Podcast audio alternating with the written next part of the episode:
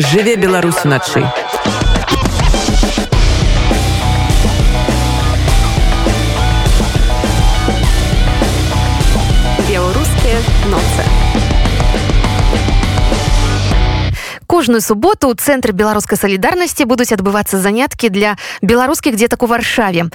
Гэта аўтарскі курс займальная літаратура нашага сённяшняга гостя. Зрэшты праект далёка не адзіны ў партфоліа драматурга рэжысёра выкладчыка культуролага часамі і майго калегі Васіля дранько майсюка шанон спадар Васіль добрай ночы. Добрай ночы. Рада вас бачыць чуць. Чароўная спадарня Алена Дякую што запрасілі. Ёсць адчуванне што цяпер вы займаецеся не просто любімай цікавай таленавітай справай. У нейкім сэнсе Мачыма гэта і місія тому что беларускія дзеткі якія тут у варшаве яны адарваныя ад беларусі не толькі геаграфічна але канешне і моўна вырваныя з кантэксту. Ну, няхай сабе магчыма у многіх з іх было рускамоўнае асяроддзе расійскамоўнае але так ці інакш. І вось гэтыя вашыя заняткі по-беларуску такая пачэсная вельмі справа Ну гэта тое чым я займаўся і ў беларусі займальная педагогіка э, тое дзе моя задача ў тым каб дзеці полюбілі беларускае навучыліся гаварыць по-беларуску полюбілі беларускіх аўтараў памяталі што янка маур самы цікавы займальны беларускі пісьменнік. Вось гэта я рабіў беларусі і гэта спадзяюся буду рабіць і тут дзякуючы чароўнаму цудоўнаму шляхетнаму запрашэнню спадарыні хелены родзінай якая сама да мяне выйшла прапанавала гэту дзівосную працу і вось так кожную суботу з 4 до 6 я буду займацца з дзеткамі і будзем не просто вучыць вершы ці праходзіць там жыццяпіс Якуба коласа альбо Масіма богдановича а выбіраць самае цікавае самае сцэнічна дзейснае каб з гэтага можна было рабіць і спектаклі некія перформансы і цікавыя показы ну рабіць так каб нам каб нам это самім было вельмі цікава і мы атрымоўвалі сонечны настрой. Ці памятаеце вы як вам выкладалі беларускую літаратуру і мову ў школе? Памятаю памятаю памятаю.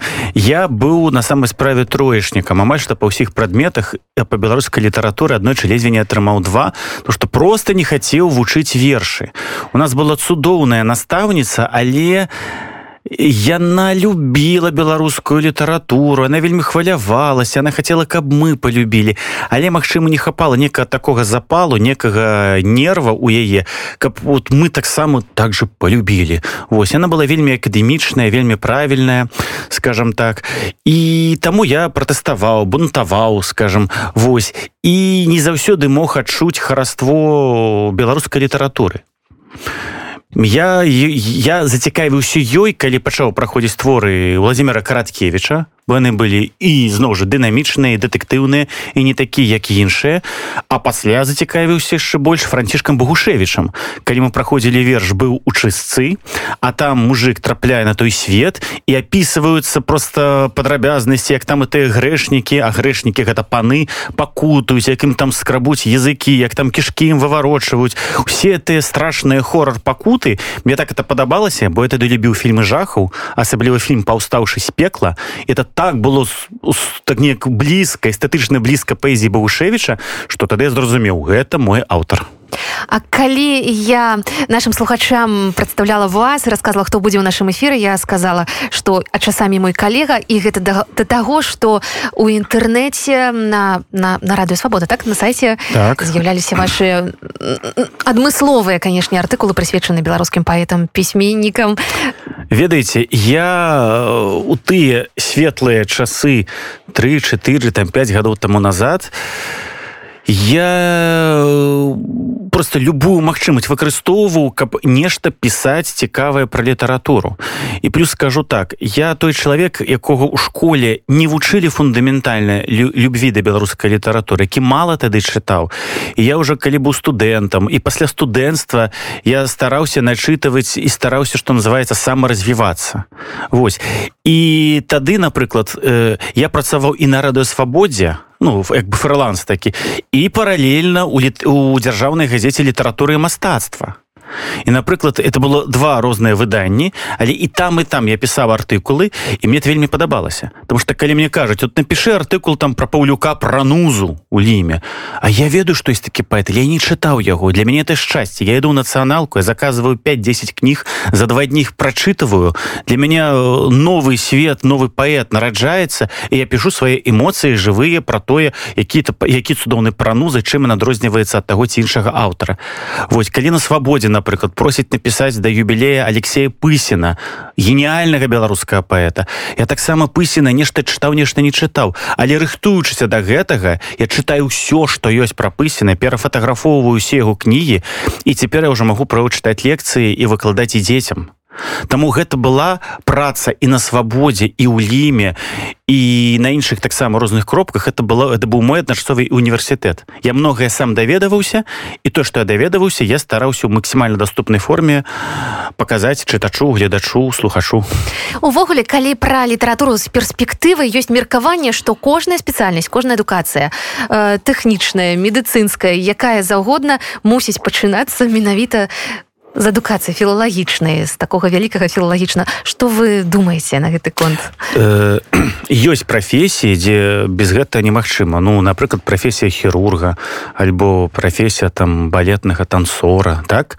Там без пэўнай адукацыі ты нічога не зробіш. Разумею мое пытанне палягае на тым что нават у медыцынскім універсітэце да беларускай літаратуры да літаратуры увогуле трэба абавязкова звяртацца і таксама рабіць на гэта акцент А у гэтым сэнсе конечно абавязкова потому что моя была бяда что у мяне мяне на жаль не зацікавілі тады літаратуры. І я гэта ўсё дабіраў 25 у 35 гадоў 39 так і зараз яшчэ вучуся ёй. Конечно это трэба.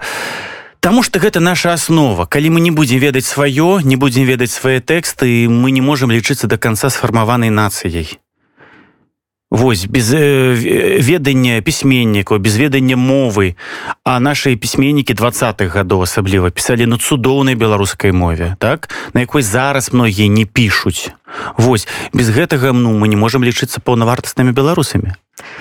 Як цікава расказаць дзеткам пра францішка багушевіча про францішка багушевича не трэба рассказывать что это просто гений і ўсё.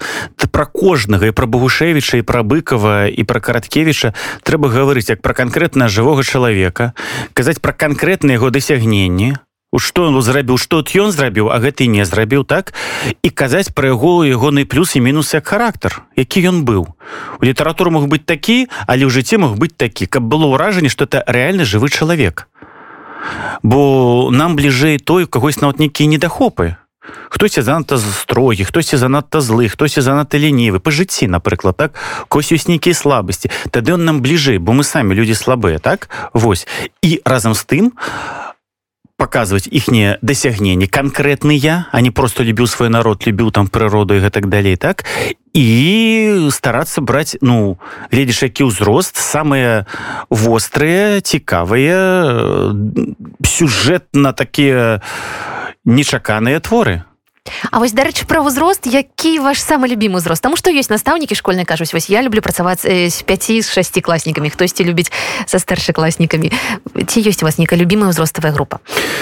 Тут цяжка сказаць дакладна бо я працую в асноўным калі ў школе працаваў у менску так у мне было э, была такая ўзроставая разбежнасць ад першага класа да шостага класа а ў іншай школе ад першага класа до 9 класа і могу сказаць что у кожным узросце ёсць свае файныя цікавыя моманты з кімсьці можна рабіць больш праз тэатр у праз візуалізацыю з кімсьці наадварот праз некую лекцыю з кімсьці праз дыялог спрэчку так? Кожны ўзрост по-свойму мне падабаецца. А бывае так што дзеткі падкідваюць вам нейкія такія цікавыя э, разважанні і цікавы погляд на тое ж про что вы рассказываете? На літаратуры на творы? конечно конечно конечно. Гэта ёсць і за гэта я люблю уроки. Да этих урокаў цяжка рыхтавацца вот так вот просто ну тым сэнсе что пісаць нейкі дакладны план что мы будем рабіць потому что самі вучні сваім нечаканым поглядам сваёй нечаканай думкай яны тебе вот могуць накіраваць на тое ці на гэта так ну напрыклад мы там мы на уроках не толькі праходзім там янку купалу курган. Дзесьці напрыклад я кажу вот я вам рассказываю сюжет этого кургана пятому класу дзе конечно не трэба всю паэму цалкам чытаць бо яны яшчэ могуць не зусім быць готовымі там восьмы клас можа прачытаць курган. Пятый клас той самы курган я магу ему пераказаць яго асобныя слупкі прачытаць а затым сказаць курган заканчивается трагічна гусляра нашага закапалі выкапалі там шестиметровую гэтую яміну бо три сажні это 6 метров так? Вось убілі асінавы кол а цяпер зрабіце свой варыянт на са шчаслівым канцом яшчэ чым-небудзь зарабіце свой сваю альтэрнатыўную версію яны пачынаюць фантазіраваць нехта мале коміксы нехта яшчэ што і ўтвараюцца цікавыя варыяцыі на курган. Фэнтэзійныя баявічныя жахлівыя там гусляр можа як нейкі зомбі з'явіцца які тага душыць князя. Ён можа наадварот загіпнатызаваць у гэтым палацы яны все ператвараюць у нейкія камні карацей шмат таких варыянтаў Таму конечно дзеці развіваюць сваю фантазію і гэта цудоўна. Перадусім як мы будемм мець невялічкі музычны перапынак яшчэ одно пытанне. Курс займальная літаратура ўжо ў гэтую суботу. Пра што будете размаўляць? Гэта будуць уводныя заняткі mm -hmm. потому что мы яшчэ дакладна не ведаем які будзе ўзрост. Вось таму я думаю мы гэта будзе такі аўтапрабег па самых э, цікавых беларускіх пісьменніках э, таких як э, Якуб колас і ягоныя апавяданні пра асінае гняздо про то як восы напалі на іншых э, тых насекомых і жыхароў леса ты баяліся даць ім адпор. Это будзе янка маур дзе таксама дзе таксама ёсць і нейкія жахлівыя рэчы. Кракадзілы нападаюць на дзяцей акулы хочуць прыглынуць хлопчыка. Гэта будзе нешта з караткевіча. Так што гэта будзе такая вось такое літаратурнае асарці цікавае. Вось і конечно ж гульні. Гульні рухомыя гульні дзе трэба напрыклад не ведаю вывушыць чатырохрадкоўе. Там мой родны кутак ты мне мілы забыць тебе не маю седак скарагаворку. Вось это будуць чароўныя словы. Калі ты саб'ешся то ты там прайграў ці яшчэ што. Такі вот гульні на трэніроўку памяці паглядзім які будуць узрост узрост вось але это было такое спалучэнне.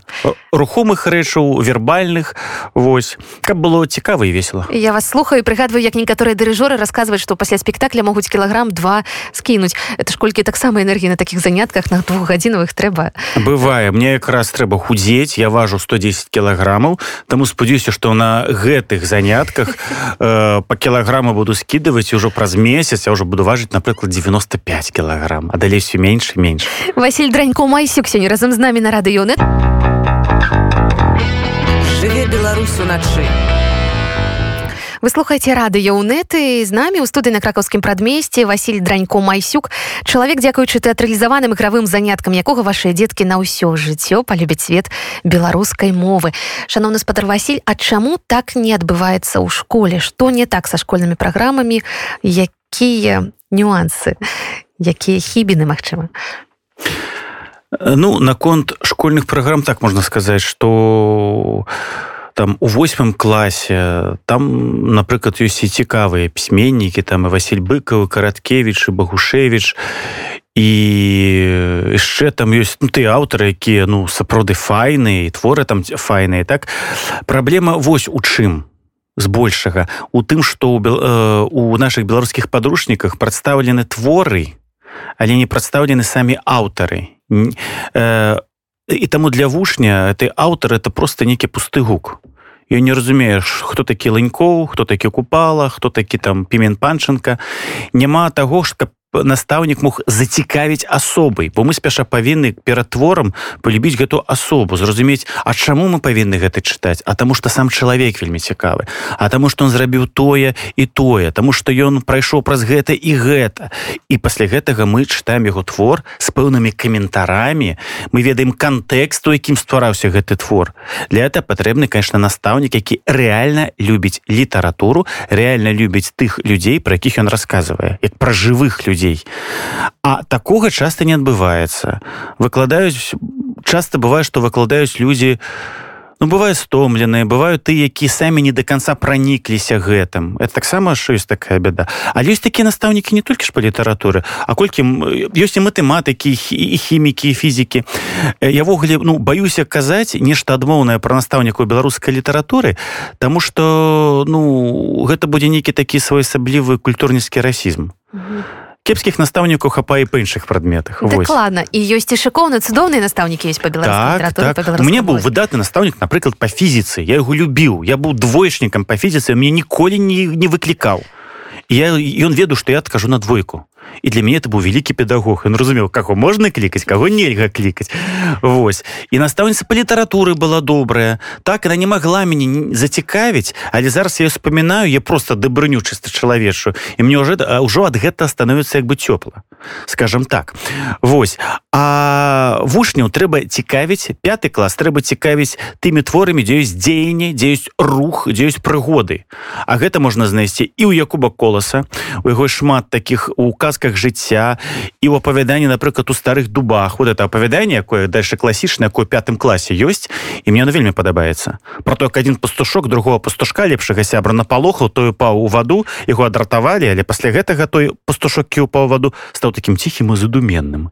Гісторыя про то что можа атрымаць некую непрыемнасць нават ад блізкага сябра. І колас гэта напісаў пасля турмы пасля таго як ніводзін з блізкіх сяброў яго ў турме не наведаў і ты это дзецям рассказываешь гэты контекст калі гэта написано для чаго это написано что в образе этого пастушка які упаў ваду Мачыма чытаецца сам колас і тады это апавяданне успрымаецца больш неяк цікава больш глыбока больш шматгранна скажем так. Вось таму трэба да пісьменнікаў ставіцца як да жывых людзей урокі ператвараць у дзеянне а не ў просто ў лекцыю скажем так і тады будзе цікавасць. Калі ты сам гэта любіш то гэта палюбіць і іншыя якія б кніжкі вы параілі бацькам э, паставіць змясціць на беларускамоўнай палічцы іх дзяцей для маленькіх дзетак гэта конечно же артур вольскі. Гось была выдатная кніжка чарнішка 64 -го года дзе там ну для малых это ідзе садаўцы і першы клас так? Вось там дзівосныя вершы ёсць. Василь вітка конечно ж гэта вершы генерал верабей. І такая абсурдысцкі верш вавёрчана гора мне вельмі падабаецца. Вось. Э, затым ідзе конечно янка маур і яго хорар апавяданне дзе у аднаму хлопчыку кракадзіл адкусіў нагу другого хлопчыка акула прыглянула у трэцім павяданні кепскі дзядзька памучыў кацянят кошки кошка за этому там горла разгрызла. Это хорар апавяданне павяданні жаху але напісаныя для дзяцей. Вось вось іншы менш крывавыя творы але пяцікласнік такое падабаецца. А клімата падабаецца хай чытаюць гэта по-беларуску Вось у купала конечно таксама Вось. Ну калі толькі трэба правильно падаць і той самы курган будзе цікавы пяцікласніку калі ты это перакажаш як некую такую фэнтэзійную баявічную рэч. Вось. Э, бядуля срэбная табакерка цудоўная рэч таксама про то як заяц смерць хаваў у гэтай самай які называется у таким куф ну, до табакерца ж так.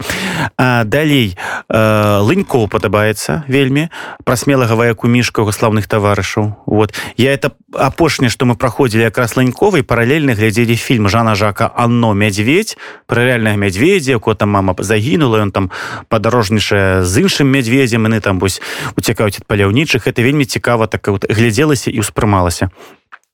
Так што вот такі аўтары. Вот мой бацька Леонид ранько Маясюк які піша не толькі вершы пра каханне і не толькі архіўную прозу пра ксенза Адама станкевич альбо пра Масіма танка але ўго есть целая серыя вершыкаў пра французскую бульдоахомку такія дзівосныя чатырохрадкоў якія вельмі добра вучацца менавіта у першым другім класе.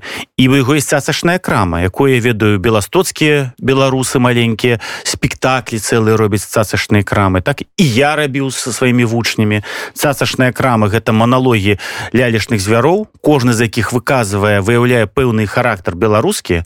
Смеласць асцярожнасць палахлівасць там хітрасць там крыўдлівасць так? Ось гэта таксама вельмі вельмі падабаецца. Оляхновіча две п'есы базылішак такая таксама фэнтэзійная рэч для падлеткаў. І для маленькіх у лясным гушчары там дзе ёсць і баба ігая і дзяўчынка нейкія ліхі. Так што ёсць цэлы спіс літаратуры палова з гэтых твораў якіх няма ў школьнай праграме але яны вельмі важныя яны дзецям падабаюцца. Мова. Я так разумею что не заўсёды дзеткі да вас прыходзяць валодаючы добра выдатна беларускай мовай ці ўвогуле на нейкім такім пачатковым узроўні. Калі вы пачынаеце з імі размаўляць вось калі беларус трапляе ў сваё натуральнае моўнае асяроддзе ці, спрацоўвае у нас нейкая там генетычная памяць калі яна існуе канешне спрацоўвае і дзеці не з першы раз могуць праз месяц праз два. Але яны пераходзяць на беларускую мову і праблему з гэтым няма у меня быў хлопчык звалі яго кирилл Москве. Ой не ў Москве ў мінску э, і калі ён быў пятым у чавёртым класе калі я прыйшоў он не разумеў нічого по-беларуску баяўся плакаў зашываўся под парту казаў я не понимаю і ўсё і слёзы. Хоть ты что. Прайшло полторы гады так ён по-беларуску размалёны 50 проценту на 40 ён разумеў ён пісаў по-беларуску адказваў Вось так что на прыкладзе этого хлопчыка бачна что ўсё магчыма ну праблема просто бывае у дарослых дарослым не хапае сілы волі перайсці на сваю родную беларускую мову Хаця зараз у сувязі з апошнімі падзеямі якія адбываюцца гэта просто пытанне ўжо выжывання каб мы гаварылі на сваёй роднай мове каб мы былі адметныя такія ж як адметныя украінцы якія як адметныя палякі як адметныя чэхія іншыя народы бо калі мы будзем гаварыць не на сваёй мове ну тады калі ласка хай нас і захопяць і нас хай тады хай нас тады і не будзе. Сэнс у нас калі мы гаворым не на сваёй мове. Я тады не бачу сэнсу у існаванні.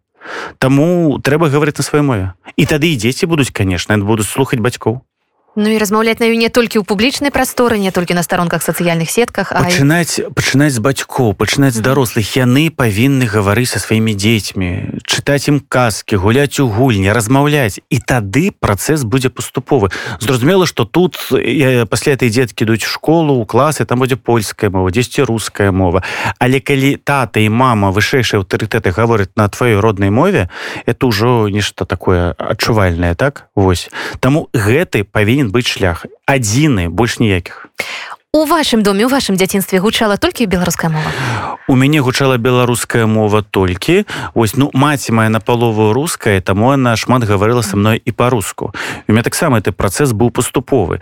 Гэта значыцца што дома размаўляў па-беларуску а ў прасторы вуліцы гастранома школы я мог гаварыць по-руску лета было да класа сёмага восьмага а далей паступова я уже пераходзіў на мову беларускую усюды. Бо разумеў что та мова і ратуе. На этой мове цудоўна казаць кампліменты дзяўчыне. І у цябе больш шансу што з дзяўчыны можа трымацца файны роман калі ты по-беларуску гаворыш гаворыш цудоўныя кампліменты. Калі напрыклад я падпрацоўваў будучы студэнтам паштальёнам і гаварыў по-беларуску мне таксама дапамагала усім падабалася і казалі як вы добра по-беларуску гаворыце над калі мог некую газету забыць ці часопіс. Это даравалася бы я по-беларуску добра гавару так что гэта мова і ратавала гэта мова і натхняла і гэта мова рабілася зноў жа адметным. У вас таксама маленькая дачушка. Я так разумею што по-беларуску размаўляеце дзе таксама? Конечно. І яна таксама са мной гаворыць по-беларуску что сёння у вас на кніжнай палічцы умоўна кажучы вы чалавек які шмат чытаю самі прызнаваліся ў інтэрв'ю толькі што што зараз чытаеце і чым зараз захапляецесь? Якія скажем так з апошніх самыя прыемныя ўражанні літаратурныя беларускія самае апошняе ўражанне. Э, недавно я чытаў і вывучаў так як я веду онлайн урокі па літаратуры. То я са сваімі вучнямі праходзіў творчасць владимира миколаевича дубоўкі вот толькі што я вот сядзеў у кфс і со сваім вучнем стэфанам салка мы пілі пепсіколу і разважалі пра дубоўку і казалі пра тое што ему не было і 30 гадоў а ён ужо увёў у моўную наш асяродак такія словы які да яго ніхто не гаварыў як дабрабыт адлюстравання мэтазгодны там э, смутнаглядны. Вось вот, вот гэты ўсе словы які мы зараз гавор мелагучны гэта ўсё слова дубоўкі. Ён іх увёў. Ён узбагаціў беларускую паэзію новымі формамі. І паэмы і вершы па-новому пачаў ствараць. Ён пачаў эфектна выступаць як сапраўдны артыст. Ён быў інтэлектуалам які ведаў усё. Мы гаварылі пра яго і сумавалі што часам нам сённяшнім не хапае таго што было ў дубоўкі артыстызм які памножаны на такі інтэлектуалізм скажем так. Вось бывает такое что сёння мы крышачку спыняемся на пэўным узроўні далей не хочам развівацца бо маўляў канкурэнцыі няма і навошта. А ён быў такі. Таму гэта дубоўка. А зараз менавіта я вывучаю творчай цішкі гартнага ён же зміцер жылунович які быў вораг ідэйны владимира дубоўкіны варагавалі по-страшнаму просто дико варагаваць ненавідзелі адзін аднаго.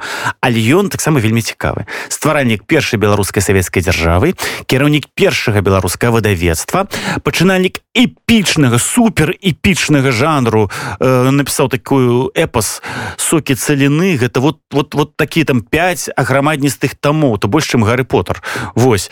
Э, вельмі цікавая асоба і палітык і крытык і драматург і паэт. Вот сёння я яго чытаю мне вельмі падабаецца. Яшчэ одно пытанне пра мову. У чым трагедыя беларускай мовы і у чым яе феномена часова трагедыя беларускай мовы мы заўсёды былі под пятою альбо усходу альбо захаду і захад і ўсход я кажу так метафарычна ён быў не зацікаўлен не зацікаўлены ў тым каб мы развіваліся як самастойная нацыя. Вот і ўсё. І у нас быў шанец у нас была беларусізацыя толькі з 22 года по 29 актыўная з 23 напрыклад потом по 29 а затым з 91 по 94 восьось і ўсё. А больш беларусізацыі ніякай не было на ўзроўні дзяржавы. У 30-е гады за тое что ты гаворыш по-беларуску те маглі арыштаваць і назваць нацыяналістам і знішчыць фізічна. І таму пісьменнікі баяліся. Былі такія правілы гульні. Ты можаш пісаць по-беларуску хваліць сталіна леніна партыю але ў жыцці гаварыць по-руску у бо калі будешь по-беларуску те могуць у нечым звінаваціць. І таму пісьменнікі казалі сваім дзецям гаварыце па-руску і аддавалі іх у русей у расійскія школы. А затым да гэтага прывыклі. І таму 60-тые гады ўжо гэта была уже сіла звычки і і разумение того что так я я могу по-беларуску пісаць але у побыце не трэба по-беларуску казаць. Будуць смяяться казаць что так колхозны язык а навошта мне гэта? І таму такая вот прапорцыя і засталася фактычнай па сённяшні па сённяшні час. Калі многія наши культурніцкія дзечы гаворыць по-беларуску спяваюць по-беларуску а ў сям'і гаворыць па-руску ці па-польску ці на мяшанцы. Это бяда якая была і пакуль ёсць. Пакуль мы яе не прыбярэм мы не можемм лічыцца паўнавартаснай нацыі Таму трэба гаварыць на чыстай беларускай мове не бояться баяцца калі тебе папраўляюць дарэчы ше адна такая дзіўная штука. Вот фейсбуку про это пишутць что э, калі чалавек вучыцца гаварыць по-беларуску яго нельга папраўляць хай он гаворыць лепш на трасянцы ці як бы он бедны пакрыўдзіцца і будь івогуле не будзе гаварыць по-беларуску і, і, і, і вот толькі напишите такі пост адразу з'явятся каментатары які будуць сказать что не трэба папраўляць бо это это такая тонкая душа беларуса і тады дзіўлюся А калі мы ідзем на заняткі по танцу і мы робім помылки нас ж папраўляюць А калі мы вучым іншыя мовы нас ж папраўляюць ё маё так але по-беларуску папраўляць не трэба что это за такі ідэатызм Таму трэба старацца вучыцца гаварыць на чыстай цудоўнай мове, а дзеля гэтага чытаць прозу менавіта двадцатых гадоў. Магу назваць пісьменнікаў, які у якіх выключная беларуская мова ввогуле. Значыцца гэта Якуб колас казкі жыцця цыкл ТХП там цудоўная беларуская мова ввогуле файная. Гэта мрый, які напісаў запіскі самсона самасоя у цікавай вобразная беларуская мова кузьма чорны менавіта двадцатые гады не тридцатые якія ўсе праходзяць школах і в універсітэтах. Это романы сястра зямля і проза двадцатых гадоў. Кшталт аповесць пра фіркі яцкі альбо буланы это гениальная беларуская мова. Паэзія владимира дубоўкі таксама так? Далей у 60-тые гады мелеш мехай стральцоў. у далей беларуская мова э, реально файная э, у владимира некляева у паэзіі у прозе у леоніда дранько масюка які адзін з лепшых рэдактараў жа працаваў мастацкай літаратуры з 81 по 2002 і дамовы ставіцца он кожнае слово са слоўнікам правярае. Ўсё ну, ну ён вельмі в этом плане э, такі любіць звыш дасканаласць. Там вось так. Дякую вам вялікі не ведаю як наши слухачы. Я по папросту правіла з вами час які пралецеў імгненна за одну секунду. На развітанне яшчэ разок. У суботу захапляльная літаратура цэнтр беларускай салідарнасці але прааналізаваўшы ваши сацыяльныя сеткі зразумела что это далёка не адзіны праект яшчэ ёсць і жэўжыкі яшчэ ёсць ну яшчэ я працую у выдатнай онлайн школе Натальі дзінкель якая называется жэўжык у есть і часопіс ад аднайменны жэўжык і там таксама выкладаю беларускую літаратуру культуралогію тэатр Таму калі вы не ў варшаве то хочаце онлайн далучыцца то можна праз жэўжык далучацца да маіх заняткаў Вось. Яшчэ таксама я буду супрацоўнічаць са школы імя равенскага дзе таксама выкладаць беларускую літаратуру ў варшаве. Так што ёсць шмат цудоўных школ шмат цудоўных таких культурніцкіх устаноў. І гэта вельмі добра што можна шмат дзе працаваць каб прапагандаваць цудоўную выдатную сонечную яркую беларускую літаратуру якая нас робіць мацнейшымі. Василь дранько майсюк рэжысёр драматург пісьменнік журналіст культуролог і увогуле чалавек сапраўды дзякуючы якому можна патрапіць у свет беларускай мовы і ўжо ніколі не захацець адтуль вяртацца. Дзякую вам вялікі. Дзякую вам вялікі за это выдатнае запрашэнне